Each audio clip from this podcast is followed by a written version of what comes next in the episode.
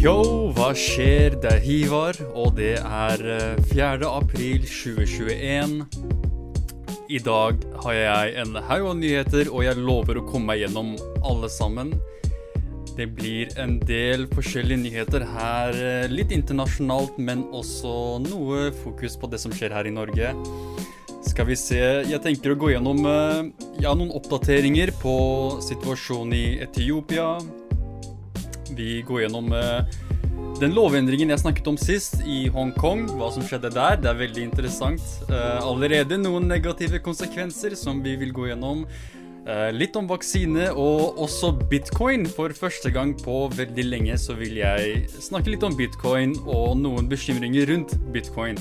Og det er ikke det du tror det er. Det det er noe helt annet, tro meg.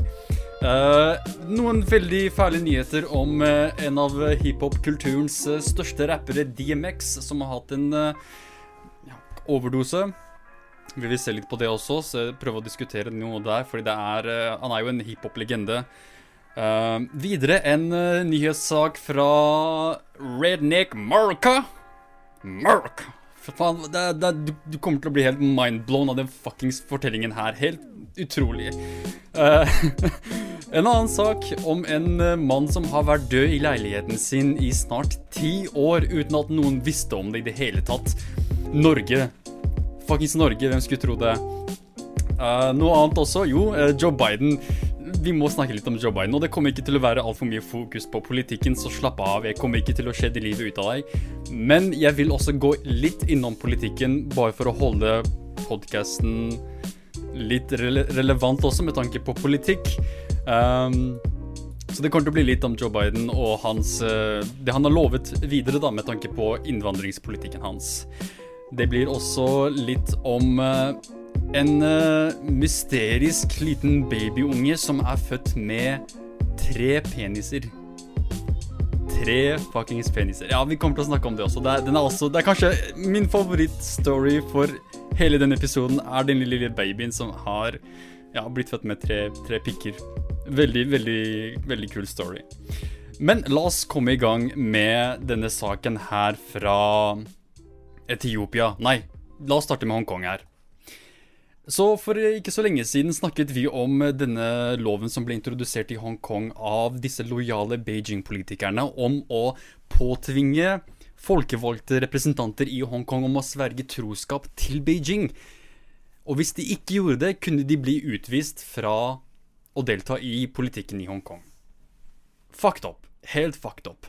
Og tydeligvis så gjelder det ikke bare folkevalgte representanter, altså folk som er med i denne, dette styret for Hongkong, men det gjelder tydeligvis for alle som er uh, arbeidere for staten. Alle som jobber for regjeringen og staten og alt det der. Så all slags type uh, arbeidere relatert til staten må sverge troskap til, til Kina til Kina, til Beijing. Du, du, er i Hongkong, du jobber for Hongkong, du representerer Hongkong, men du skal sverge troskap til Beijing, som er flere hundre kilometer unna.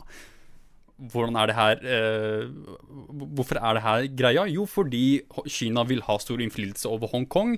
Og dette er en måte de kan på en måte skape en kultur hvor det er vanlig å på en måte ha Kina som sin leder. Sånn, de, de, vil allerede skape en kultur hvor man ser opp til Kina, og, og, på en måte glemmer denne tanken om å ha selvstyre i Hongkong. Noe som eh, på en måte har vært ønsket til mange i Hongkong veldig lenge, som også startet denne store, de store demonstrasjonene som foregikk eh, i perioden før eh, covid-19 spredde seg rundt området. Så akkurat nå ja, jeg sa at jeg ville komme innom og, og, og, se hva som skjedde med denne, denne lov, dette lovforslaget. Og det har seg slik at det har blitt innført, dessverre. Så det er blitt en greie at man må sverge troskap til Beijing hvis du skal eh, på en måte være med i styret av landet på noen som helst måte. Hvis du har noen som helst form for makt, eller ikke makt engang, men sånn lite grann innflytelse, så må du sverge troskap til Beijing. Og akkurat nå, ifølge South China Morning Post, skrevet av Christy Leung, så er det slik at 200 av Hongkongs eh, civil servant, altså folk som jobber for staten, da, eh, har blitt eh, Eller ja, de har fått sparken fordi de nekter å sverge troskap til, til, til denne Ja, denne loven, da. Etter denne loven sverge troskap til Beijing. Så det har allerede disse, disse, katastrofale resultatene. At allerede ser man at mange folk mister, mister, jobben sin. Fordi de på en måte ikke ser poenget med å sverge troskap til Beijing. Til, hva har det med Hongkong å gjøre? Det, det er jo ikke Hongkong. Burde ikke vi sverge troskap til Hongkong? Så kan dere Ja, dere kan fortsatt ha, ha det slik at styret i Hongkong har stor innflytelse fra Beijing men at eh, folket må på en måte sverge troskap til Hongkong. For det, det gjorde litt mer mening, hvis vi tenker på det her som en slags eh, sånn PR, på, på, et PR-perspektiv, da. Så er det bedre hvis du har det slik at du, du, du, utformulerer det slik i loven da, at er, du sverger troskap til Hongkong og, og, ledelsen i Hongkong. Men nei, nei, nei. nei. De, disse idiotene sier vi skal sverge troskap til Beijing. Så det, det, gjør det veldig vanskelig for folk å på en måte se relevansen i denne loven og, se, og, og, og forstå hvorfor dette her er relevant for dem. Det er jo ikke det. De, de her er jo ikke beijingere, de er jo ikke kinesere, de er folk fra Hongkong. Ja, man kan si etnisk så er det kinesere, men det, det, er, det, er, en annen type politisk eh, kultur her. Her snakker vi om folk fra Hongkong. Helt annen type kultur enn folk i Kina flest. La oss komme oss videre til en annen oppdatering her. Eh, eh, situasjonen i Etiopia. Veldig, fortsatt veldig blodig situasjon. Um, ikke veldig mye som har endret seg, dessverre. Men det som har endret seg med situasjonen i Etiopia, er at uh, Norge har endelig, endelig forstått at det er noe utrolig seriøst som foregår i Etiopia. Det er noe veldig, veldig skummelt som skjer med den personen de ga Nobels fredspris til. Og de er fortsatt veldig sånn jeg vil ikke si noe 100 konkret. Vi må fortsatt være forsiktige. De er fortsatt veldig veldig forsiktige med å si nøyaktig hva det er som foregår. Og jeg, jeg, har selv vært veldig forsiktig med å ikke kalle det en borgerkrig, med å på en måte være forsiktig med hva slags begreper jeg bruker. Men én ting er sikkert. Det er folkemord som foregår der nede. Og det er massakre. Det er, det, det er slik situasjonen er. Sånn objektivt sett så er det snakk om massedrap. Det er snakk om sult, det er snakk om isolasjon, det er snakk om uh, masseutvandring fra området. Som et resultat av denne krigen som har blitt startet i stor grad uh, av Abiy Ahmed i, uh, som sentralmyndigheten, da. Mot Tigray-befolkningen, mot TPLF. Um, men ja, så nordmenn har endelig innsett Oh my god! Denne, denne fyren vi ga Nobels fredspris til, han han har startet en krig mot sitt eget folk. Å oh, oh nei. Å oh nei. Okay, la oss se på den artikkelen. Okay, Skrevet av Gro Holm, en legendarisk NRK-journalist her. Um, hun skriver Etiopia mistenkt for massakre i Tigray-provinsen. Minst 15 menn fra Tigray-provinsen blir henrettet av soldater og dumpet utenfor en klippe. En av soldatene filmer skytingen. Um, ifølge BBC-gransking er dette soldatene fra den etiopiske regjeringshæren. Så åpenbart en veldig dyktig journalist her, som faktisk med en gang forteller deg dette er kildene mine, det er dette jeg har det fra, og på en måte gjør det tydelig. Så mm, veldig bra. Veldig bra journalistikk.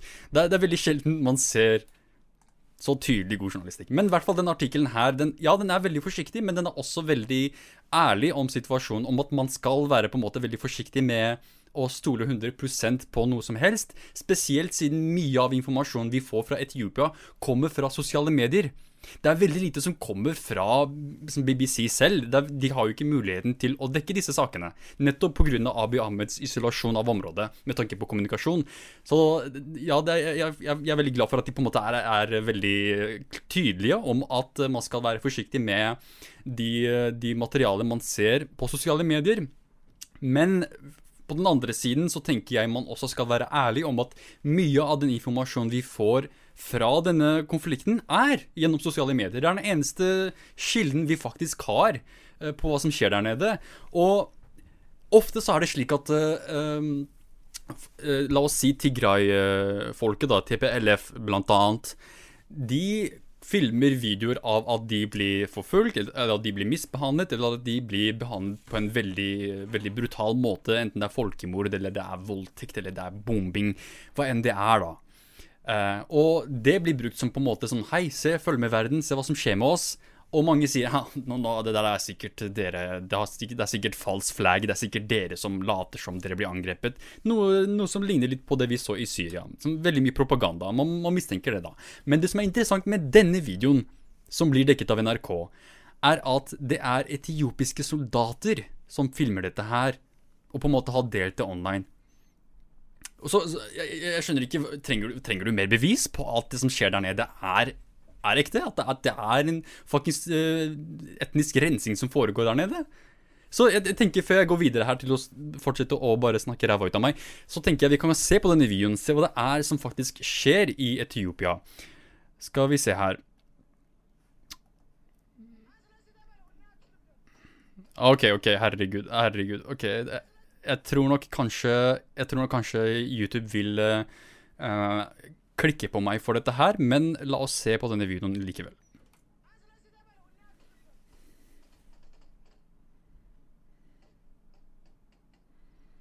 Få han til å reise seg og skyte rasshølet, sier han. La ham ende på klippen av bunnen. På bunnen av klippen, sorry. Og det er som sagt etiopiske soldater som har filmet dette her. Eh, og det er veldig kornete, det er veldig dårlig grafikk, men eh, ja. Du er en helt, du er en helt, sier han. Jeg, jeg vet ikke sånn eh, jeg vet ikke sånn, hva, hva er tydeligere bevis enn dette her på at det som skjer der nede, er ganske realistisk, da. Og artikkelen går videre til å på en måte gi kontekst til denne konflikten, til hvorfor TPLF er i konflikt med, med, med sentralmyndighetene i, eh, i eh, Etiopia. Eh, og de, de henviser også til at eh, Abiy Ahmed mottok Nobels fredspris i 2019. Og det syns jeg er veldig kult, at de faktisk gadd å nevne det dette her. Jeg vil ikke at nordmenn skal glemme det. La oss ikke glemme hva faen vi gjorde. Uh, unnskyld, ikke vi, jeg er jo ikke nordmann. Men la oss ikke glemme hva dere gjorde, nordmenn. at dere ga Nobels fredspris til denne fyren her som utviklet seg til å bli en massemorder, en folkemorder, en, en diktator. Kan vi, kan vi si det? Kan vi være ærlige om akkurat hva han er? Um, og, og selv om kanskje disse Man kan si at ja, men TPLF er jo ikke uskyldige. Jeg sier ikke det. det, jeg gir kanskje det inntrykket i måten jeg er sterkt kritisk mot Abiy Ahmed eh, mest. Men det er fordi det er han som har all makten. Det er han som på en måte har alle brikkene på sin side. Det er han som på en måte avgjør om dette her blir en, den konflikten den ble, eller ikke. Han kunne gjerne ha gjort det her til en veldig sånn enkel uh, situasjon som han kunne løst ganske kjapt, men nei. Han valgte heller å skape en militær konflikt enn å på en måte finne en, en, en diplomatisk løsning på dette her. Så det er hans feil. Så det er derfor jeg er litt mer kritisk til han. Han kunne ha jo funnet en ordentlig løsning på dette her, men han valgte nei. Han, altså, han fikk sin ære krenket over at TPLF våget å holde et demokratisk valg for sin regionale område. Og dette er snakk om områder som på en måte er semi-autonomt, som allerede har stor innflytelse fra TPLF-styret. Uh, og han, det kan han, han ikke akseptere. Så nei, nei, nei, vet du hva. Jeg, du, skal, du skal gjøre som jeg sier. Og når de våget å ha denne, dette demokratiske valget, så reagerte Abiy Ahmed på den måten her. Og TPLF reagerte igjen. De tenkte oh shit, nå kommer han sikkert til å angripe oss, så la oss angripe denne militærbasen og ta tingene, ta våpnene, før de bruker det mot oss. Så det er liksom, det er ikke, det er ikke så irrasjonelt. Men igjen, TPLF er jo ikke 100% uskyldige. De har sikkert gjort masse brutalt som dessverre vi ikke har sett eh, særlig mye av. Igjen, la oss skylde på Abiy Ahmed pga. hans eh, kommunikasjonsblokade. Og høres ikke det litt sånn mistenksomt ut? Hvorfor skal du blokkere all slags kommunikasjon for området, med mindre du ikke vil at folk skal vite hva som skjer der nede? TPLF er ikke noe De er jo ikke De, de, de skjuler ingenting. De viser fram uh, sånn videoen der sånn Her, vær så god, det, det er dette vi gjør. Mens Abiy Ahmed er sånn Nei, nei, nei, vi har 99,9% treffsikkerhet. Vi vet hva vi driver med. Alle bombene våre som treffer sivile, treffer de riktige folka. Det, det, det er ingen sivile. Hvis du, hvis du blir drept av bombene, så er det fordi du står bak TPLF. Så nei, what the fuck? Hvilken verden er det du lever i hvor hver eneste skudd som blir avført, uh, på en måte er 100% sikkert? Selvfølgelig er det for sivile folk som mister livet. Uh, så ja, igjen, samme som sist gang. Det, det, spørs 100 om hvem det er du stoler på når det kommer til denne konflikten. Hvem, hvem, er på en måte mer rasjonelle i hva slags forklaring de gir på situasjonen. Og etter min mening så er TPLF-folka selv om, selv om de også har sin, sin, sine krigsforbrytelser, så er de mer troverdige enn Abiy Ahmed. Det, det vil jeg bare mene. Så la meg ta en kort pause her. Eh, kaffepåfyll, så kommer jeg straks tilbake for å snakke om eh, sommeren og hvordan det kan påvirke vaksinene. Veldig interessant.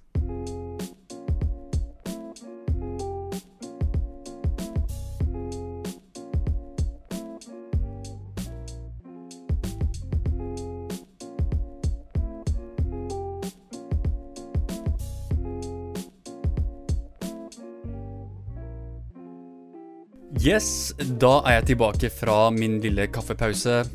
Og nå tenker jeg vi går over til å fokusere på Ja, jeg vil ikke si Norge, men det er en sak fra en norsk forsker. Jeg vet ikke hvordan jeg skal si uh, Hvordan jeg skal beskrive hvem han er, men i hvert fall en norsk forsker fra UiO som uh, snakke litt om dette her med vaksine og koronasituasjonen. Så en liten oppdatering på covid. Det er, det er sjelden vi dekker covid-saker på Kompisprat uansett. Så la oss se hva det er ABC Nyheter skriver her. Jeg vet ikke, Siden det er norsk kilde, så kan man ikke kalle det ABC Nyheter. Siden det er, øh, Ja, hvis det hadde vært engelsk, ja, man kunne kalt det ABC. Men siden det er norsk, så blir det ABC Nyheter. Det høres helt fucked ut, hvis jeg skal være helt ærlig. Um, jeg vet ikke hvorfor det heter ABC Nyheter engang. Er det ikke den originale American Broadcast Company, så hva, hva, står ABC for? Er det bare ABC? Jeg vet ikke. Så hva, hva er poenget med denne nå, nå, Herregud, min ADHD tar over her. Skal vi se her. Vaksineforsker sier varmere vær kan bidra til redusert smitte en vaksineforsker sier dette her? Vent nå, Var ikke det her det samme det som eh, Trump sa? Sa ikke Trump det samme? Sånn at uh, jeg lover dere, når det kommer sommer, så kommer, så kommer uh, viruset til å bedø ut. Det, er, det, handler om sommer. Det er, varmen kommer til å ta livet av eh, viruset. Sa han ikke det samme? Var ikke det akkurat det Donald Trump sa, og folk bare Idiot! Det er ikke sånn det fungerer, din tulling. Det er jo masse spredning av viruset selv i varme land. Sånn, herregud, ok, så nå kommer en vaksineforsker og sier at varmere vær kan bidra til redusert smitte. Så Trump hadde rett? Er det det, er det, det, er det, det forskersamfunnet prøver å fortelle meg? At uh, vi burde ha hørt på Trump? Jesus. I hvert fall, Fehi har sagt at de på uh, At de håper på drahjelp fra varmere vær. En vaksineforsker fra UiO sier at det er grunn til å tro at smitten kan gå ned når våren kommer for alvor. Det vil si om fem måneder, fordi norsk vær er jo faen meg så treigt og ligger så langt etter. Men i hvert fall øh, Denne vaksineforskeren heter Gunnveig Grødeland, og han er forsker ved Universitetet i Oslo. Han sier til Aftenposten Vi har så langt kun sett én sesong med viruset, så det er mange usikre momenter her. Men det er grunn til å tro at det også Vent nå litt. Men det er grunn til å tro at også dette koronaviruset vil variere noe etter sesongene. Uh, I mange varmere land har smitten likevel vært høy til tross for klimaet, og Grødeland understreker at dette illustrerer at det ikke kun er klima som spiller inn i uh, smittespredningen, avstand og befolkningstetthet er også en sentral faktor. Vent nå litt, så hva Hvordan hjelper det med varme da? Sånn, alt du forteller meg her, er at ja, sånn, på den ene siden sier du ja, varme kan hjelpe med å, med å, redusere smitte, men det er ikke det som gjelder. Det som gjelder, er befolkningstetthet og hvor, hvor mye avstand folk holder fra hverandre. Så hva, hva, hva, hva er det du sier? Sa du ikke nettopp at det, det hjelper? Jeg vet ikke. Men uh, hun påpeker at varmt vær reduserer tiden viruset kan overleve på ulike flater. Der har vi det. Endelig, Jesus. Temperatur og varmere vær alene stopper ikke et virus. Det varme været utover våren kan hjelpe til, men vi må nok gjøre jobben selv med ulike tiltak, avstand og håndhygiene, sier hun. Er det sannsynlig? Nei. Jeg tror ikke det. Ikke i Norge. Jeg tror ikke det at det, blir varmere vær Ja, som hun sier her, at det kan på en måte det reduserer tiden viruset kan overleve på ulike flater, men kommer, betyr det dermed at vi i Norge kommer til å være flinke til å holde avstand og håndhygiene og alt det der? Nope. Nope. Har du sett nordmenn når det er varmt vær? Det er vanskelig å ikke se de. De er faen meg på gata og fuckings kler seg nakne. Sånn, oh my god, jeg dør. Jeg, jeg takler det ikke. Åh, jeg trodde det var snø, men det er faen meg solskinn. Hva var det som skjer? Jeg takler ikke dette her. Huden min er skapt for snøvær, ikke fuckings solskinn. Jeg dør. Sånn, det er det nordmenn gjør. Sånn, jeg husker det var, sånn, det var allerede sånn mars og folk var ute og badet. Det er sånn, Herregud, what the fuck, disse folka her tåler ikke en eneste dråpe med varme. jo, liksom, de, de, klikker og går ut og uh, bader og sånt med en gang det, det, er litt hint av solskinn, så klikker det for nordmenn. Så kommer de til å holde avstand? Jeg tror ikke det. Jeg tror strendene kommer til å være packed. Jeg tror folk kommer til å liksom være oppå hverandre, sånn stacke oppå hverandre når det blir varmt vær. Så jeg tror ikke um, ja, det er fint at varme på en måte dreper, dreper viruset på, på overflater, men eh, sånn, folk kommer til å feste. Sorry, ass, men folk kommer til å feste. Det er Norge. Folk her er fuckings De elsker å feste, de elsker å ha det gøy, de elsker å være på stranda, spesielt når det er varmt vær. Eh, og noe sier meg at denne sommeren kommer til å bli veldig varm, og jeg igjen, jeg forventer ikke at folk faktisk følger disse avstandsreglene. De gjorde jo ikke det, og jeg gjorde jo ikke det når det var sommer uh, i fjor, i 2020. Det var veldig fint vær, jeg var ute på stranda sjæl, hadde det gøy. Det var som om virus egentlig ikke var der engang. Så det eneste som var forskjellig fra året før, var at vi på en måte brukte antibac. Um, så jeg forventer ikke noe særlig forskjellig oppførsel på vår side, da. Uh, som et resultat av, uh, av denne varmen, da. Uh, det eneste som er, er, litt kult, er at vi på en måte er i gang med vaksinene, så det på en måte det tenker jeg er, det, er, den viktigste faktoren her, da, som på en måte reduserer smitten. Ikke nødvendigvis at det, det, er, det, blir varme, og at folk blir flinkere til å holde avstand. Det gjør det ikke. Folk gir faen. Sånn, vi snakket om dette her når, når, viruset først startet. Når det fortsatt var så mye usikkerhet, og folk ikke visste hva viruset var engang. Vi visste ikke at viruset var luftbåren engang. Vi visste ikke at liksom, Det var så mye vi ikke visste, men folk ga faen likevel. Og var ute og shoppet og faktisk hadde det gøy. De ga faen. Så jeg, jeg tror nok folk kommer til å fortsette å gi faen. Det er, det er bare sånn det er. Sånn, sorry, ass. Så ikke forvent for mye fra, fra den norske befolkningen. Så blir du ikke skuffet. Så blir du ikke skuffet. La oss gå videre her til en sak om bitcoin. Bitcoin er noe jeg ikke har dekket på Kompisprat i det hele tatt, og det er først og fremst fordi jeg vet da faen om bitcoin. Jeg skal være helt ærlig, jeg skjønner meg veldig lite på hvordan det fungerer. Det er veldig, veldig komplekst uh, greier. Og jeg forstår at folk som forstår seg på det, vil si nei, nei, det er jo ganske enkelt. Det er, det er bare det sånn det her fungerer. Det er jo faktisk ganske uh, Shut the fuck up, nerds. Jeg vet da faen. Uh, det er nerdshit. La oss være Sorry. Sorry. Men det er sant. Uh, sånn Hvem er det som vet masse om bitcoin? Nerds. La oss være ærlige. Sånn, sjekk vennelista di på Facebook. Finn, finn den personen du tror er nerd, og spør han hei, hvordan fungerer bitcoin? Ferdig. Kalas. Han kommer til å snakke med deg hver dag etter det. Sånn bror, bror, bror, fuckings bitcoin blablabla. Tro meg. Sånn, du, det, det, du, den døren Vær forsiktig hvis du åpner den døren. For det blir veldig vanskelig å lukke den. Du kommer til å få masse artikler sendt til deg hver dag. Ser du hva, hva, hva hva jeg sa? Jeg, jeg sa jo det. Jeg, jeg Å, jeg visste det. Jeg visste dette her. Herregud, ingen hørte på meg. Og nå skjer det. Nå skjer det. Det, det, det, min mening, det er sånn bitcoin-vennene mine er. De, de, de, de, få venner jeg har da som er interessert i bitcoin.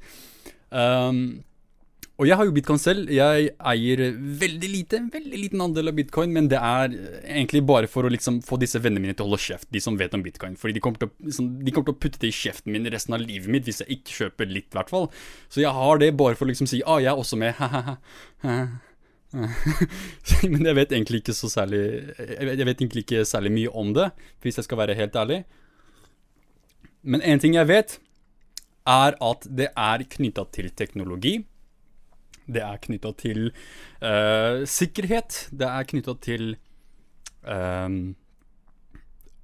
sånn, hva, hva, slags tro man har på penger, da. Sånn, uh, hva er dagens penger basert på? Ingenting. Luft. En tanke. En tanke om at det er verdt noe. Så til den grad så er faktisk bitcoin uh, den har mer verdi enn det dagens penger har. Sånn mer reell verdi. Og man kan dele opp eh, på en måte bitcoin i så mange mindre andeler, da. Så man kan egentlig gjøre veldig mye med bitcoin enn det man kan med, med dagens uh, pengesystem. Da. Sånn det, er, det, er, utrolig mye mer man kan gjøre. Og det er, det er, en grunn til at det på en måte har eksplodert og blitt så populært. Fordi det er en veldig god måte å håndtere penger og alt det der på. Så det, er, det fungerer for, for, en grunn. Det er blitt populært for en grunn, fordi det fungerer. Uh, og jo mer folk tror på det, jo større blir det. Men vi må ikke glemme at det er noen negative aspekter ved bitcoin også.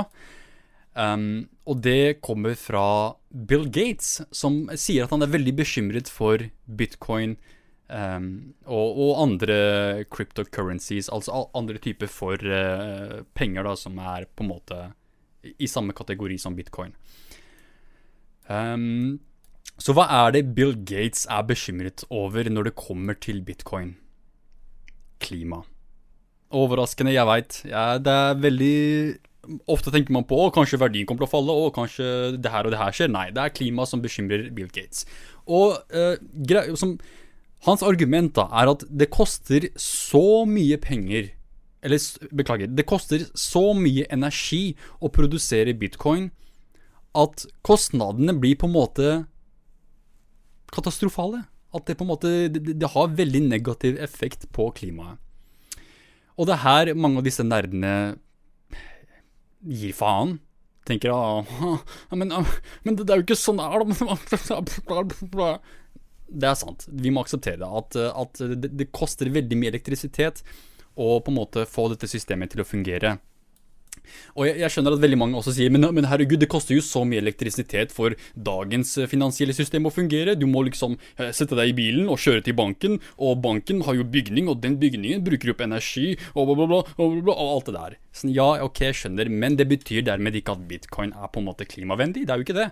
Uh, måten det blir produsert på, krever jo energi, og hvor er det den energien kommer fra? Når vi snakker om land som Kina, så er det veldig lite sannsynlighet for at det er grønn energi, selv om Kina nå har investert i mer grønn energi, og de på en måte blir grønnere, men de er ikke der helt ennå. Og hvor mye energi er det som blir brukt bare for bitcoin? Vel, ifølge Fox Business, sorry, veldig lite troverdig kilde. Uh, det, må jeg, det må jeg innrømme. Fox, uh, Fox, News er jo en svært konservativ nettside, eller svært, et svært konservativ uh, nettverk av nyheter. Så vi må ta det i betraktning. Men igjen, dette her er basert på mange andre, mange andre kilder. Altså artikkelen i seg selv bruker det jeg vil si troverdige kilder. Men kanskje eh, det som er litt mer sant, da, er at eh, selve artikkelen kommer fra et, eh, et, eh, et, nettverk som er veldig partiske. Men det, det betyr dermed ikke at argumentene som Bill Gates kommer med, er konservative. De, de er nok mer eh, rasjonelle enn en som så. Um, så hva er det hva, hva, er argumentet, da?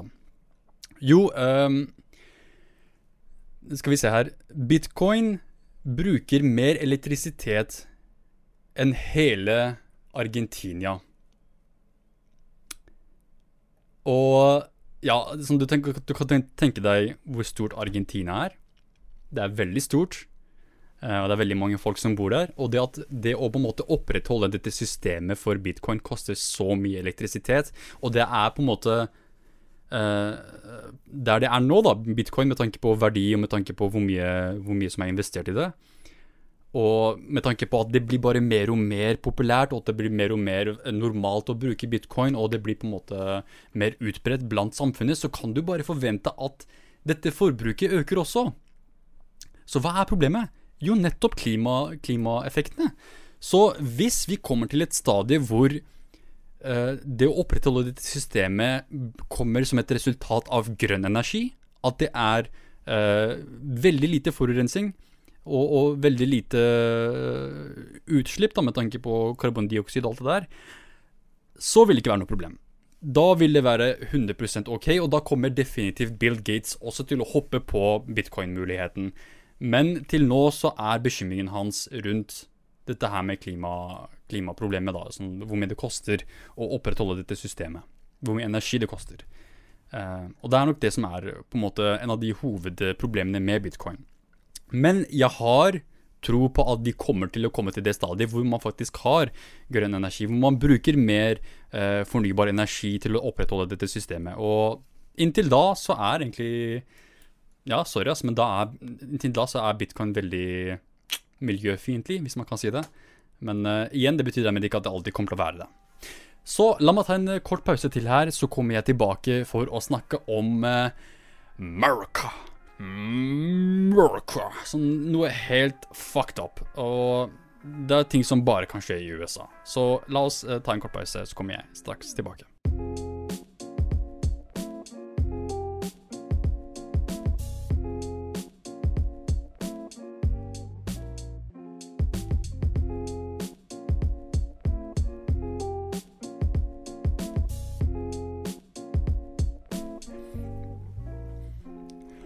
All right, da er jeg tilbake.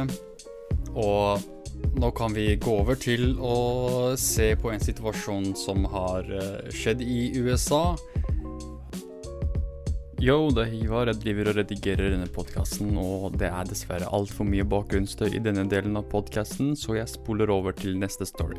Beklager, kanskje vi kan dekke denne saken her en annen gang. La oss gå videre. Noe annet som også har skjedd i USA, som også er veldig typisk for USA, er en kjendis som har tatt overdose. Og dette her blir veldig personlig, fordi jeg er stor fan av denne personen. Så DMX har hatt en overdose og er nå i en veldig kritisk situasjon. Eh, legene er usikre på om han kommer til å overleve dette her.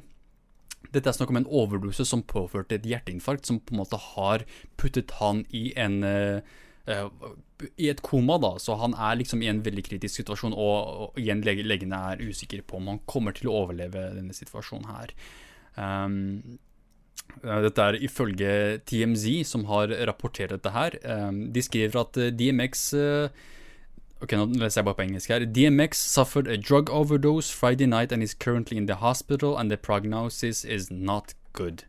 Sources close to the rapper tell DMZ, TMZ the OD occurred at his home around 11 p.m. Our sources say the overdose triggered a heart attack. Um, DMX was rushed to a hospital in White Plains, New York, and is the is in the critical care unit. Uh, we're told he has some brain activity. Another source says he is in a vegetative state, and the doctors have cautions, cautioned he may not make it. Så ja, eh, legene er veldig usikre på om han kommer til å takle dette her. Og DMX har hatt problemer med eh, rusbruk ganske lenge. Han har slitet med avhengighet ganske lenge, og han har vært i, i eh, rehabiliteringsinstitusjoner et par ganger. Uh, ifølge TMZ så var, hans, uh, så var han nylig uh, på rehab i 2019 etter å ha blitt straffet for Hvordan sier man det på norsk? Tax fraud. Altså, han juksa med skatten, da, så det, at, det, at, eh, det medførte at han uh, fikk en, uh, ja, en, en, straff da, på tolv måneder. Og ja, han har lenge slitet med rusavhengighet, og han på en måte han putta seg selv i rehab i en periode han trodde han var på vei til å bli fristet av rusmiddelbruk igjen.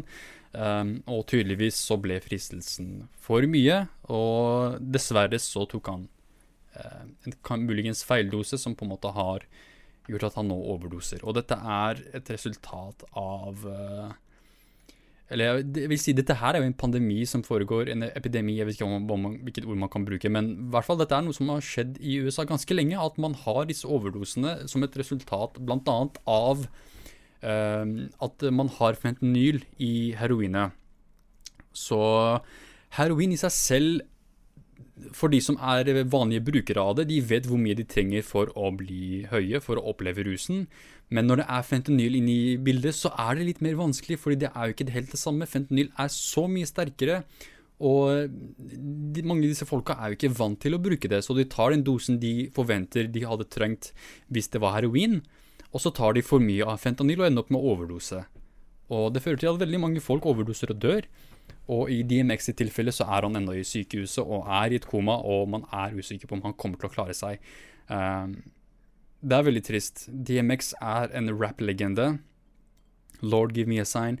Uh, ja, mange sanger som jeg absolutt uh, digger med DMX. da. Han er jo Selve stilen hans han, han, er en klassisk uh, person. Han kommer alltid til å bli husket som en legende i hiphopen. Men eh, jeg håper virkelig han kommer seg gjennom dette her. Han er en utrolig sterk person. Så ja, han har, han har rusproblemer. Greit, det, er, det kan skje med oss alle, men DMX er en utrolig sterk person. Han har gått gjennom utrolig mye. Utrolig mye. Um, veldig, veldig tøft liv, og jeg håper virkelig han kommer seg gjennom dette her også. For jeg vil fortsatt, fortsatt, ha han her. Jeg vil høre mer fra DMX. Han har et interessant perspektiv, han har en interessant stil, og han har skills som bare faen. Og jeg er en stor fan, så jeg håper virkelig han klarer seg. Um, la oss uh, gå videre til å snakke om en annen sak her. Uh, jeg tenker å gå tilbake til Norge mot, uh, mot slutten her, men før jeg gjør det, så holder jeg meg til USA. Og det er en sak som involverer Joe Biden. Så um,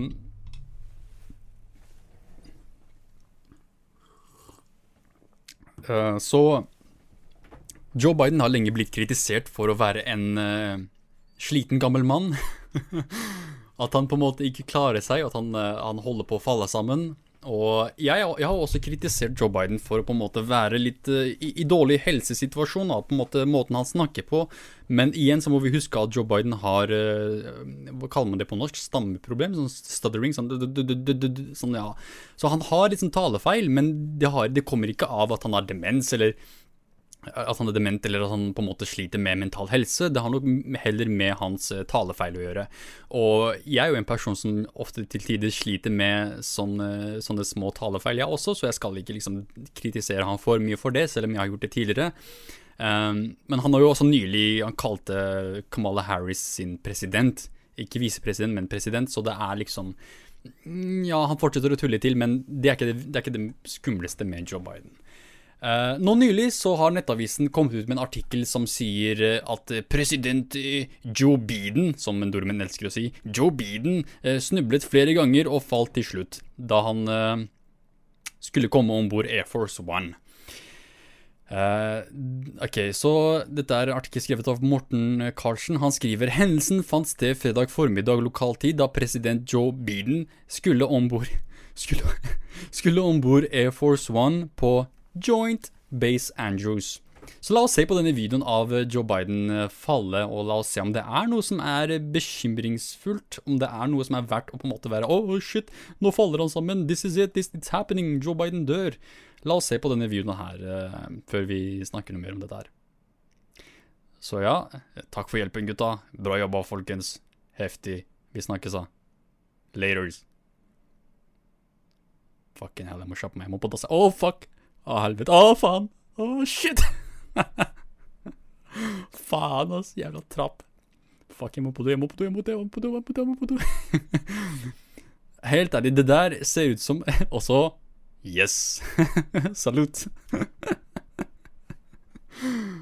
Oh my, oh my. Ok, det der var ikke Kom igjen, da. Sånn, han er en gammel mann. Han har nettopp hatt en uh, ikke nettopp, men han hadde nylig en uh, brudd i beinet. Han skader jo seg selv når han lekte med bikkja si.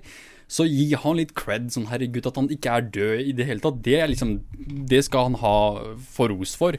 Så slapp av med liksom 'Å, herregud, se, nå skjer det, nå faller han sammen'. Han holder på å dø. Det er sånn typisk konservativ måte å se på dette her. Dette, denne artikkelen her er liksom noe som en republikaner kunne ha skrevet på. Og jeg dekker det fordi jeg syns det er morsomt. Men det er også mediekritikk. Det her er mediekritikk, at mediene på en måte fokuserer på dette her. Det er sånn, herregud, det er sånn har du ikke fulgt med på hva som skjer i USA? Det er så mye mer som du kan snakke om med Joe Biden, men nei, Nettavisen velger å si Joe Biden, han er en zombie. Han er en walking dead. At han ikke er død, er en utrolig overraskelse. Herregud, se på han. Han kan ikke gå engang. Sånn, ro ned. Sånn, herregud, han faen, snubla. Sånn, Se om du hadde klart det der. Etter alt det stresset du må gå gjennom som president, og så skal du løpe opp en trapp mens fuckings flyet, det, propellen er i gang, og det er masse vind og alt det der. Hadde du også klart å løpe opp mens du på en måte jogger opp, da, som han gjorde her? Han, han, gikk ikke opp trappene, han løp opp trappene. Og da han snublet og mista balansen, så kom igjen, herregud. Jeg, jeg syns det er litt kjipt å på en måte ja, ha denne framingen, da. Sånn uh, bilde på artikkelen er stort bilde av at uh, Biden ser ut som han faller. Og det var ikke så alvorlig fall heller. Sånn, han snubla litt her og der, og ja, det var tre ganger. Han falt tre ganger. Men de to andre fallene var et resultat av at han først mista balansen også. Så ja, jeg, syns det var litt kjip artikkel som på en måte gir inntrykket da av at uh, han på en måte ikke er i men, riktig mental tilstand og fysisk tilstand så nei, det er ikke det, det, er ikke det som er problemet til Joe Biden. Joe Biden har mange problemer, bl.a. det vi dekket i forrige episode, men uh, helsa hans er ikke det. Sånn, basert på det vi vet om helsa hans, det som han har på en måte gjort offentlig. Men la oss uh, gå videre her til en annen sak om Joe Biden. Igjen, dette er noe som er verdt å diskutere. Dette er noe som faktisk er en god sak. Så det Nettavisen skriver om, typisk Nettavisen. De er en av de mest elendige avisene i Norge. Sånn, jeg skjønner ikke at folk gidder å lese det søppelet som Nettavisen kommer med. Sorry, ass, men det er, det er søppelavis, etter min mening. Det er en grunn til at liksom det, de bare er på nettet. Fordi for, Hvem hadde faen meg betalt penger for å kjøpe det dette de skriver i print? For hva? For å kunne bruke det som toalettpapir? Gjerne. Nettavisen. Gå knull. Sorry. Sorry, jeg skal ikke jeg skal ikke gå der. Uh, la oss gå videre til, til ja, en sak som er verdt å diskutere, og det er Joe Bidens gjenvalg. Kommer han til å stille i 2024? Er det sannsynlig at Joe Biden kommer til å bli en kandidat? Fordi han er jo presidenten akkurat nå, og det er ikke uvanlig at uh, presidenten ofte har prøver seg da på, på to terminer, på, på to, to uh, valgløp. Så greia er at på denne tiden her, når Donald Trump ble president, så hadde han allerede etablert en valgkampanje for 2020. Så allerede i 2016 han ble valgt, med en gang så startet han en, en på en måte en plan for 2020 også. Eh, og det hjalp ikke særlig mye. Han, han tapte jo. Så de fire årene med forberedelse, det hjalp ikke veldig mye. Eh, og ja, men, men, i hvert fall det skapte sånn en type presedens i Sorry, nå forvirrer jeg kanskje med det ordet. Det skapte en uh, normalisering av det å på en måte erklære sin, uh, sine intensjoner med en gang. Og så Man forventer derfor at, at, at, Joe Biden også skal på en måte tydeliggjøre om han kommer til å stille til valg i 2024 også. Og jeg tror dette kanskje har litt med den forrige saken vi dekket å gjøre, det med hans helsetilstand, om han kommer til å være i form til å kunne stille til valg i 2024. Uh, jeg tror ikke det er relevant. Uh, og jeg tror ikke det er så viktig om Joe Biden stiller til valg i 2024. Joe Biden er ikke sånn det demokratiske partiet er det som er viktig her. Det er ikke Joe Biden som er viktig. Ja, Joe Biden er eh, den kandidaten som sørger for at Trump ble fjernet, fjernet fra makten, men jeg, kan, jeg ville argumentert for at Bernie Sanders hadde gjort en like god jobb med å på en måte beseire Donald Trump. Um, så det er ikke det viktigste, at det på en måte er Joe Biden som stiller mot Donald Trump. Det er ikke det som er viktig. Det viktigste er at det, er demokratene som er nå i makten, og at de på en måte gjør det beste de kan for å sikre at de har en seier i 2022 og 2024 når det blir president, eh, presidentvalg. Det er det som bør være målet, å på en måte styrke demokratiske partiet, ikke bare Joe Biden.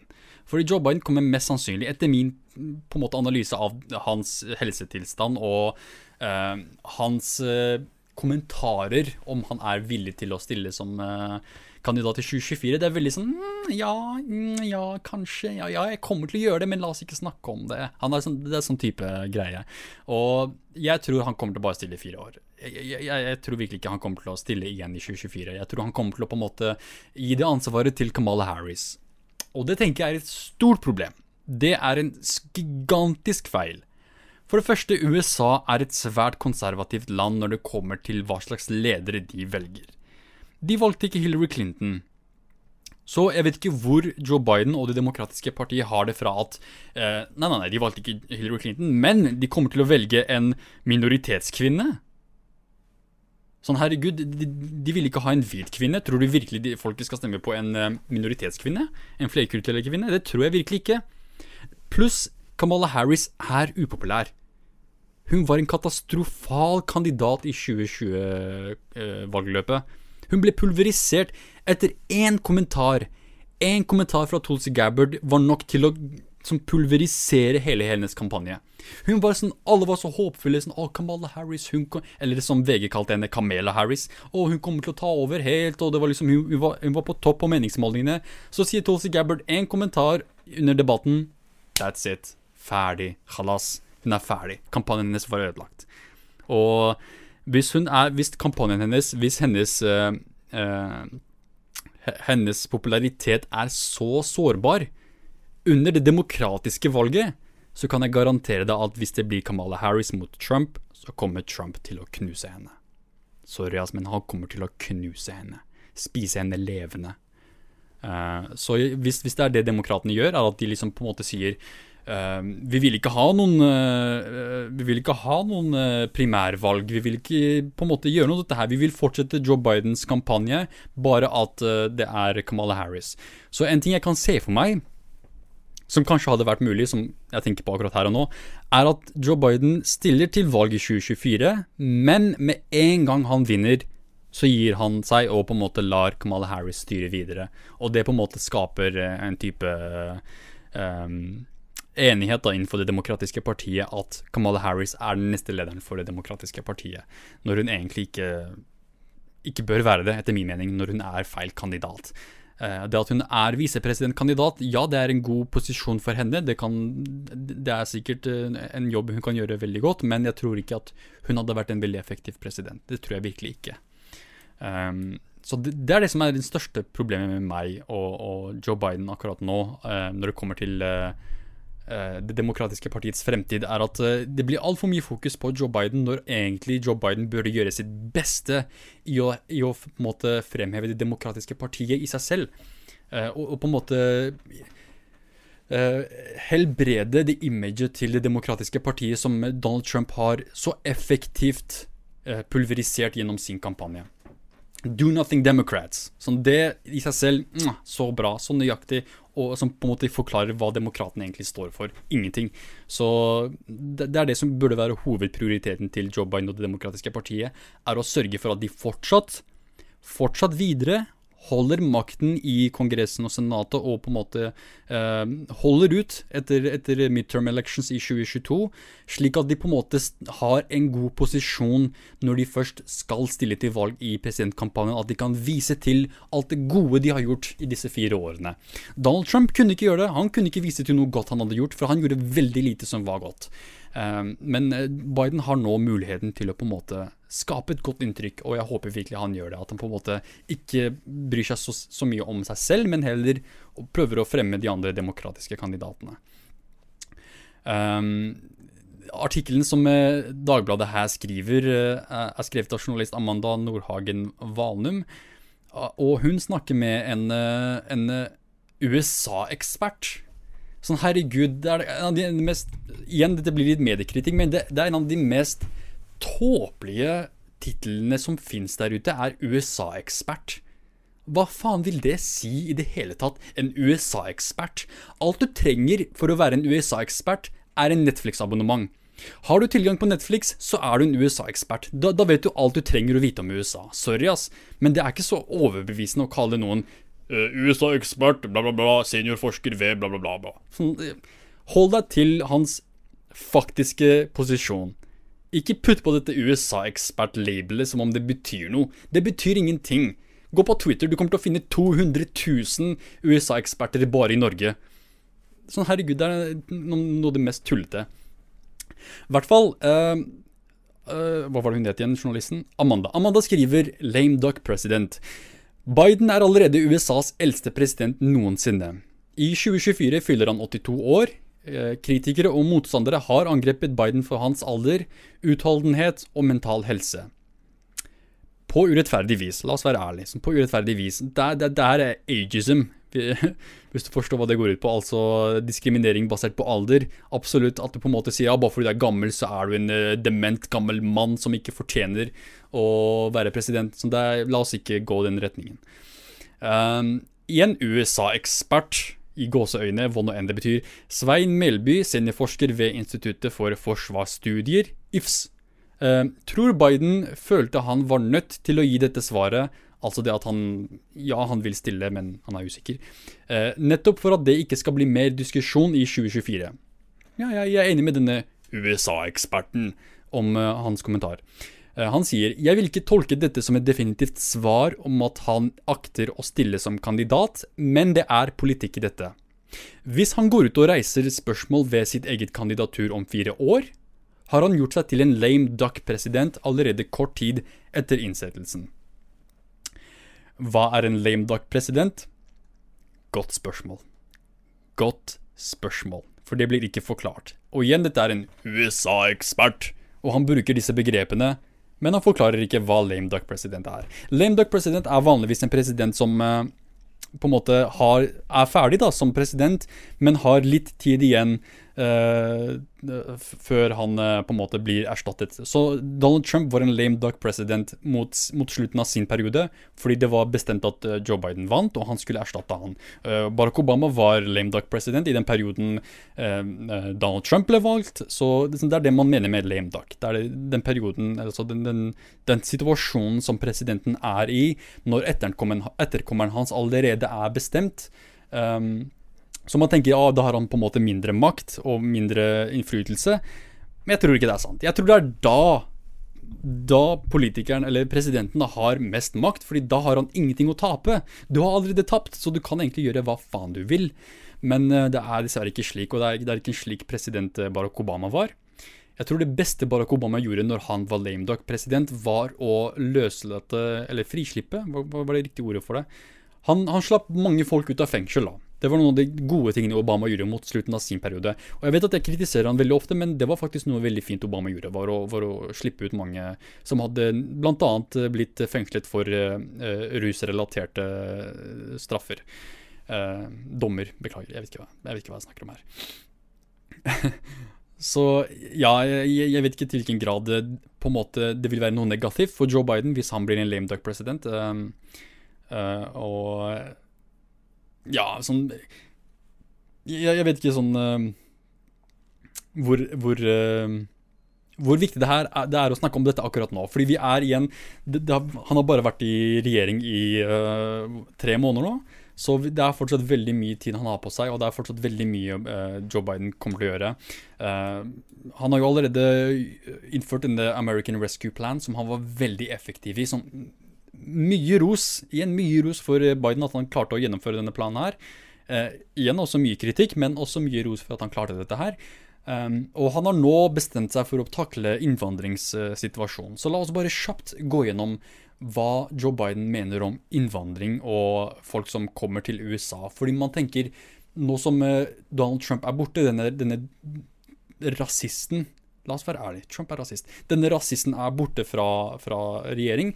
Nå har vi Joe Biden, som på en måte er snillere. Så man tenker eh, at eh, dette gir inntrykk av at det vil være greit å, å migrere til USA. Og hva sier Joe Biden til dette her? Jo, jeg har en video her fra uh, de ekte ABC News, ikke, ikke ABC Nyheter, men ABC News fra USA, og med, med uh, journalisten eh, Stefanopoulos. som også er en legende i, i, USA. George Stephanopoulos. Han er veldig veldig kjent uh, journalist. Veldig flink journalist, vil jeg også si. Så han snakket med Joe Biden om dette dette problemet, da, problematikken med, med innvandrere. Talk about the crisis at the border. Some heartbreaking scenes down there yeah. right now. And a lot of coming in saying they're coming in because you promised to make things better. It seems to be getting worse by the day. Was it a mistake not to anticipate this surge? Well, first of all, there was a surge the last two years in, in, in 19 and 20, there was a surge as well. This one uh, might be worse. No, well, it could be, but here's the deal. We're sending back people to, first of all, the idea that Joe Biden said come, because I, I, heard the other day that they're, they're coming because they know I'm a nice guy and I won't do they're what saying Trump did. this. Yeah. Well, here's the deal. They're not. The adults are being sent back, number one. That's number one. No, number two, what do you do with an unaccompanied child that comes to the border? Do you repeat what Trump did? Do you repeat what Trump did? Take them from their mothers, move them away, hold them in cells, etc. We're not doing that. So what we're doing is we have brought in brought in HHS and also brought in FEMA to provide for enough safe facilities for them to not to get out of the control of the border patrol, which are not designed to hold people for a long periods of time, particularly children. Get them out of those facilities and most of them come with a phone number to that they have someone in the country. So what we're doing is we're putting together an entire organizational structure so that within seven days they're able to get in the phone, contact that number, find out whether there is a mother or a father, whether it is safe, whether it is a secure circumstance to get the child to that adult. How do you cut through the red tape and make sure those kids get to a contact as quickly as possible? Our reporters on the scene are saying they're seeing total mayhem there right now. Well, what you get, you, what you have to do is you have to try to get control of the mess that was inherited, and the way to get control of the mess that was inherited. I mean, look, here's what our, the, the, the plan is. You may remember when we had this unaccompanied children of the border when Barack was president. He called me back. I was in Turkey and said, "You got to take care of this." And I was able to get a bipartisan bill passed for almost 800 billion dollars to go to the root cause of why why people are leaving. Why are they leaving El Salvador, Guatemala, and Honduras? Because they're in terrible circumstances, either because of natural disasters and hurricanes, gangs, or violence. They're trying to escape. And that's why they're coming. So, what I did, I spent close to 100 hours with the leaders of those three countries and the UN, making sure that what we would do, for example, in one of the major cities down there, they said the crime rate's terrible. That's why people are leaving this particular city. But we have no street lighting. And the government said, give us the money. We put. I said, I'm not going to give you the money, but I tell you what, show me what you need. I'll get contractors down there. We'll put in the street lights for you because a lot of corruption down there. And guess what? Violence came down. it's going to take some time, though, to get those policies in place again. Do you have to say quite clearly, don't come? Yes. I can say quite clearly, don't come. And what we're in the process of getting set up, and it's not going to take a whole long time, is to be able to apply for asylum in place. So don't leave your town or city or community. We're going to make sure we have facilities in those cities and towns run by Department of by DHS and also accessed with HHS, the Health and Human Services, to say you can apply for asylum from where you are right now. Make your case. We'll have people there to determine whether or not you are able to meet the requirement you qualify for asylum. That's the best way to do this. In addition to that, while we also change the circumstances on the ground in those communities, you're going to diminish the reason why people want to leave in the first place.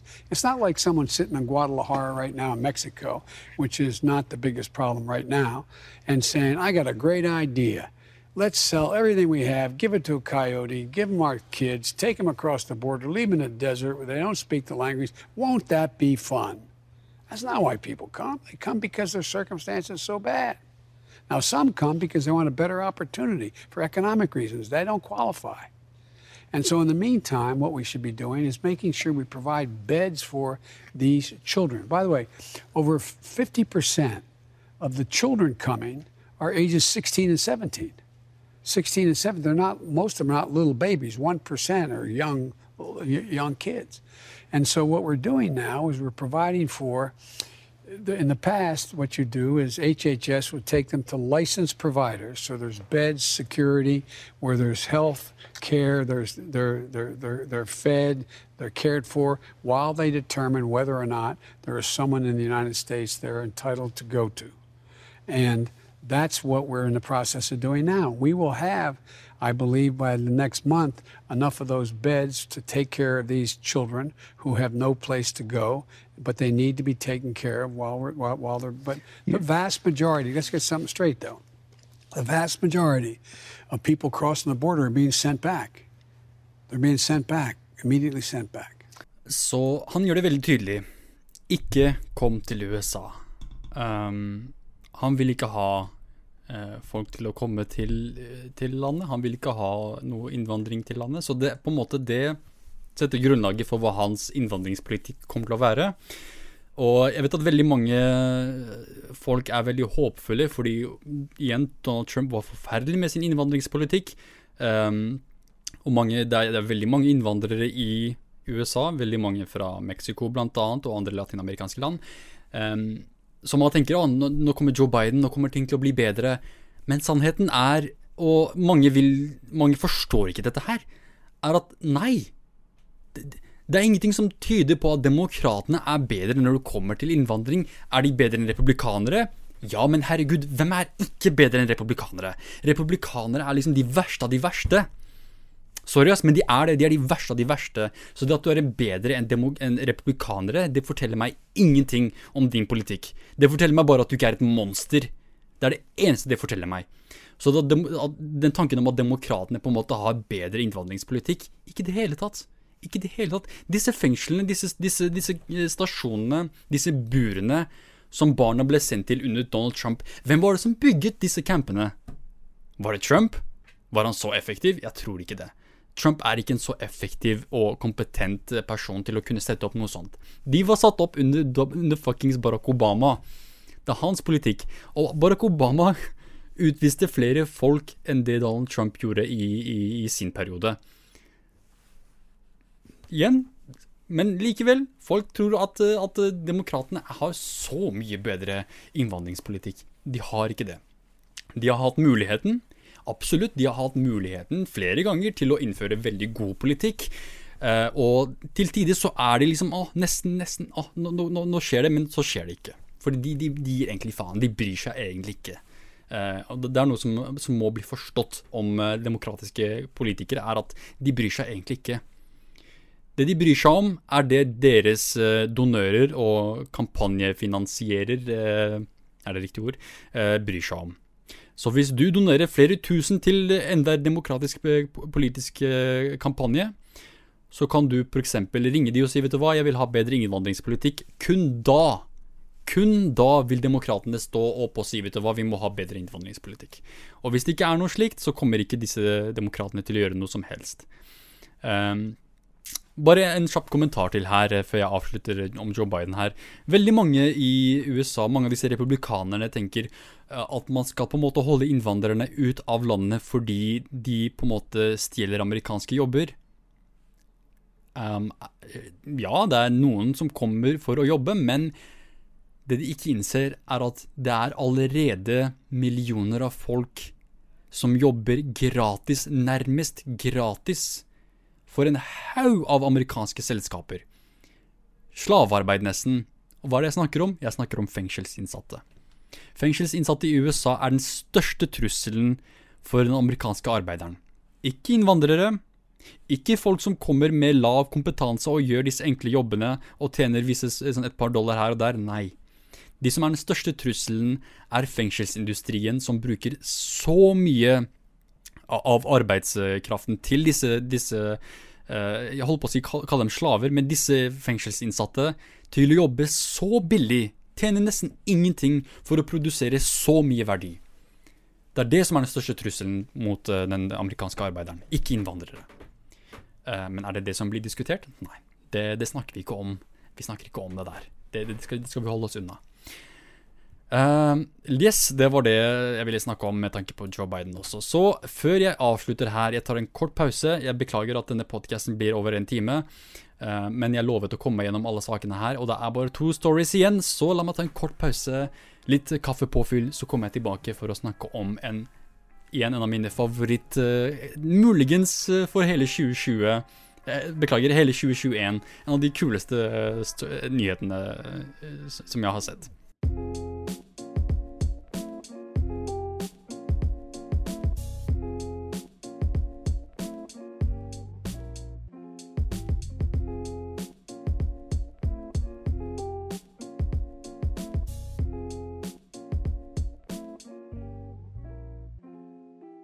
Yes, da er jeg tilbake for uh, siste innspurt her for uh, episoden. Og det blir en uh, norsk sak her før jeg går over til min favorittsak mot slutten. Så denne saken her er en utrolig norsk nyhet. Som det mest norske jeg har hørt om i hele mitt liv. det er kanskje litt slemt sagt. Det er kanskje veldig slemt sagt. Jeg, beklager, nordmenn. Um, så dette er en artikkel skrevet av NRK, og det er en av de typiske artiklene hvor du blar gjennom, og så ser du masse bilder. Um, jeg skjønner ikke at dette her har blitt en greie innenfor norsk journalistikk. Sånn, Hvor dum tror du leserne er? Hvor, hvor, sånn, hvor lite tro har du på folks oppmerksomhetsnivå? Uh, uh, sånn, tror du virkelig folk er liksom så at det er så lite uh, nyhetslyst blant folk at de ikke klarer å lese en artikkel, at du må liksom spamme de med bilder. Det, jeg liker ikke denne utviklingen. Jeg hater det. Og liksom, Hver gang jeg har søkt på jobber som journalist, er det sånn Å, vi håper du kan lage sånne, sånne artikler som eh, VG har, hvor det er masse bilder og Fuck off! Fuck off! Gi meg en artikkel. Sånn, herregud, se på dette her.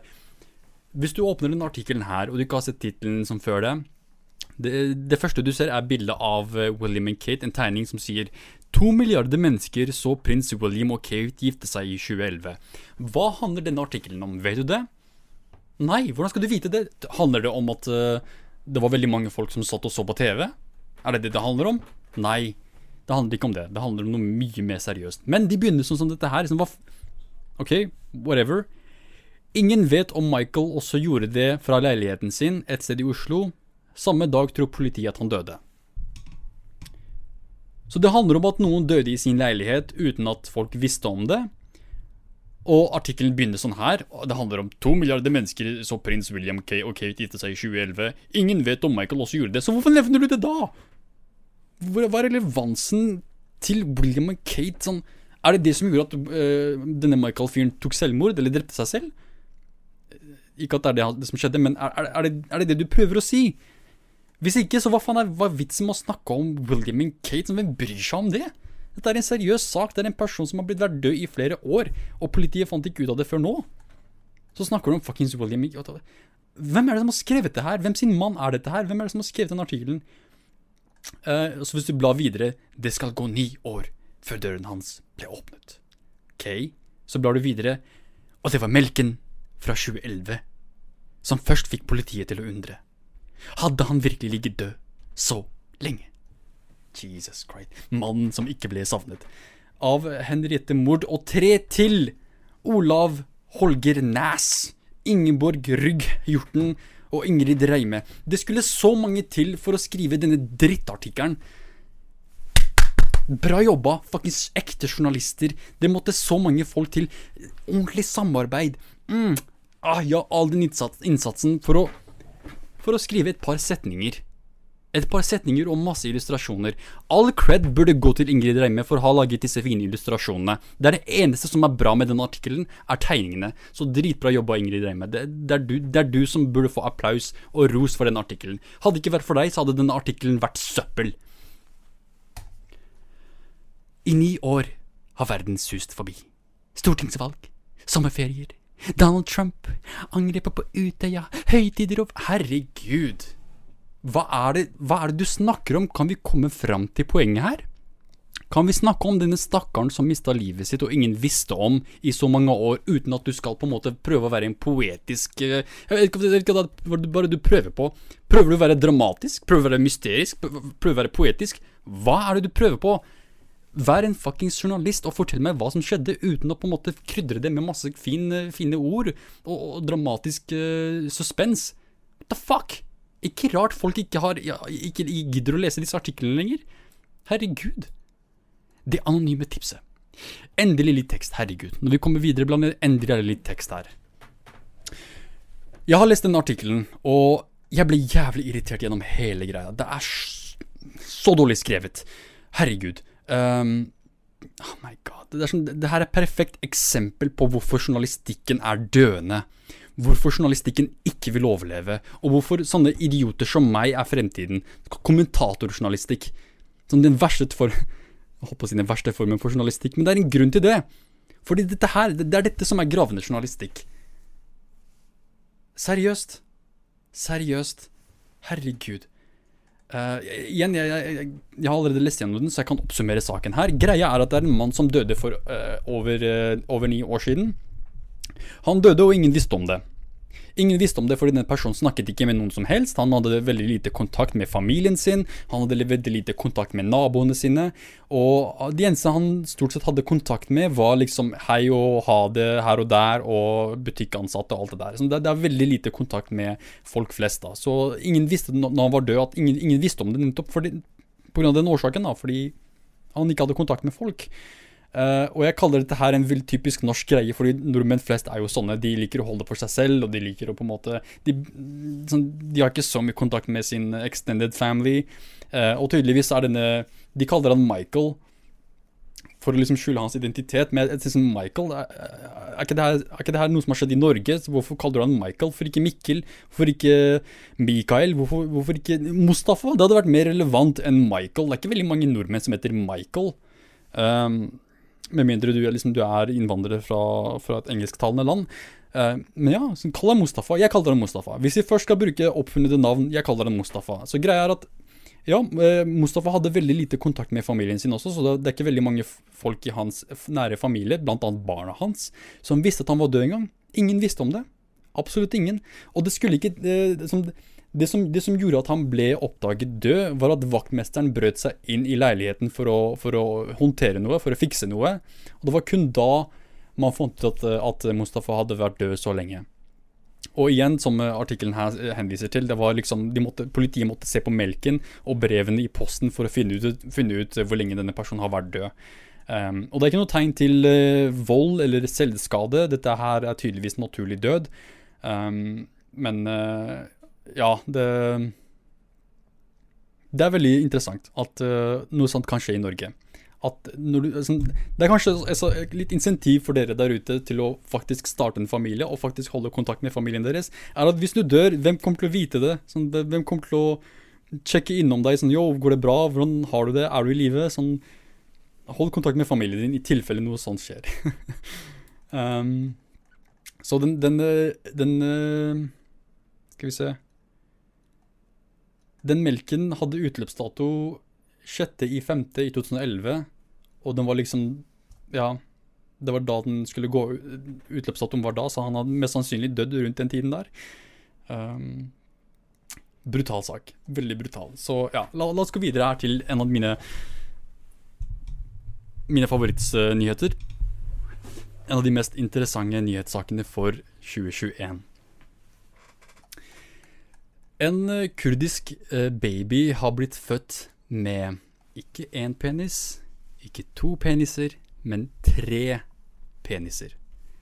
I en kurdisk gutt, så det gir mening at han blir født med så mange peniser. Fordi kurdere er kjent for å ha veldig mye testosteron. Um, hvis du ikke tror meg, jeg kan vise deg Nei, vet du hva, jeg holdt på å vise deg min, min, hårete bryst, men det tror jeg skal spare deg for. Um, dette er altså rapportert i Science Direct, en, en um, fag fagfellevurdert, er det det man kaller det, uh, tidsskrift. Volum 77 i, for 2020. Og den viser til denne lille gutten som ble født i Duhok, eh, som ble hentet inn til sykehuset med en hevelse rundt, eh, rundt det området. Og så når man eh, undersøkte nærmere, så fant man ut at han hadde tre peniser. Og eh, det er veldig sjeldent. Han er den første babyen i hele verden som har tre peniser. Um, og Anniken Aronsen for Dagbladet skriver her at uh, det er hittil rapportert 100 tilfeller av dobbeltpeniser, men dette her er en first, altså en baby som ble født med tre peniser. Og det er ingenting, ifølge rapporten, det er ingenting som uh, viser til en type genetisk feil med tanke på uh, radiasjon, eller om det er en, en, en, type sykdom i familien. Det er, det er, ingenting som tyder på det. Det er heller ingenting som tyder på at det er snakk om rusbruk uh, fra foreldrene sin side. Så det er veldig sånn, mysterisk hvordan dette her skjedde. Um, men jeg, jeg, tror igjen, jeg tror det er bare fordi han er kurder. Så det er, testosteronet for kurdere er ganske høyt, så ja, Sånn, kroppen visste ikke hva den skulle gjøre med alt det her. Sånn, oh my god, jeg har så mye testosteron, hva skal jeg gjøre med det? La oss lage to ekstra peniser. jeg tror det er det som er veldig uvitenskapelig. Dette her er bro science. Uh, men det, det, er det, det, er det, jeg tror skjedde her. Uh, så hva skjedde med lille, lille babyen her? Jo, uh, begge de to ekstra penisene ble skåret av, og sårene ble sydd igjen med et selvoppløsende materiale. det er ventet at gutten, som er fra Duhok nord i landet, Nord i landet. Nord i landet Irak. Si det rett ut! Han er fra Kurdistan. Fuckings. Han er fra Det er her han kommer fra. Ser du det her? Fuckings nord i landet. Skal fuckings Irak ta æren for denne lille gangsteren? Fuck off! Han er kurder. Si det som det er. Dohawk er ikke en irakisk by, det er en kurdisk by, motherfucker. Jeg er så lei av at de, de alltid skal fuckings stjele kurdisk kultur. Kan vi ikke få dette engang? Sånn, dere dere tok landområdene våre. Dere ga oss ikke en dritt. Dere har undertrykt oss i fuckings over 100 år. Kan, vi, kan vi være, så, være så snill å få en shout-out, i hvert fall? Uten, uten, å gi all credit til Irak? Fuck det. Fucking hell. Jeg blir så irritert, ass. Så det er og jeg vet at de, de, tyrkerne som ser denne videoen her, kommer til å være sånn pff, mindblown. Hvor er Kurdistan? Hvor på kartet er Kurdistan? Hvis man er på kartet, det står ikke noe på kart. Hvor er Kurdistan? Du sier Kurdistan, men hva betyr det? Jeg har aldri hørt om det. Hva, jeg vet ikke hva det betyr. Hva, hva, hva er Kurdistan? Legit. Ja, legit. men ja, det, jeg syns det er litt kjipt at liksom det det ikke blir nevnt. Sånn, ja, han er fra Duhok, Nord-Irlandet. Nord-Irlandet. Please, come on, han er kurder. Si det, si det som det er. Um, i hvert fall, Legene kjenner ikke til årsaken til at babyen ble født med tre peniser, men de skriver i rapporten at ingenting tyder på rusmisbruk under svangerskapet eller genproblemer i familien. nettopp.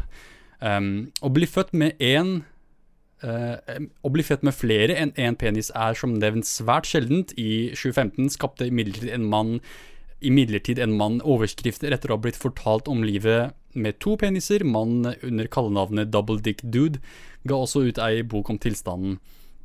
Uh, men tydeligvis er denne kiden her triple dick uh, dude. Uh, legende. En fuckings legende. Men ja, det, det, var i hvert fall det, den saken jeg ville bare nevne. Igjen, ikke en irakisk baby, en kurdisk baby. En kurder.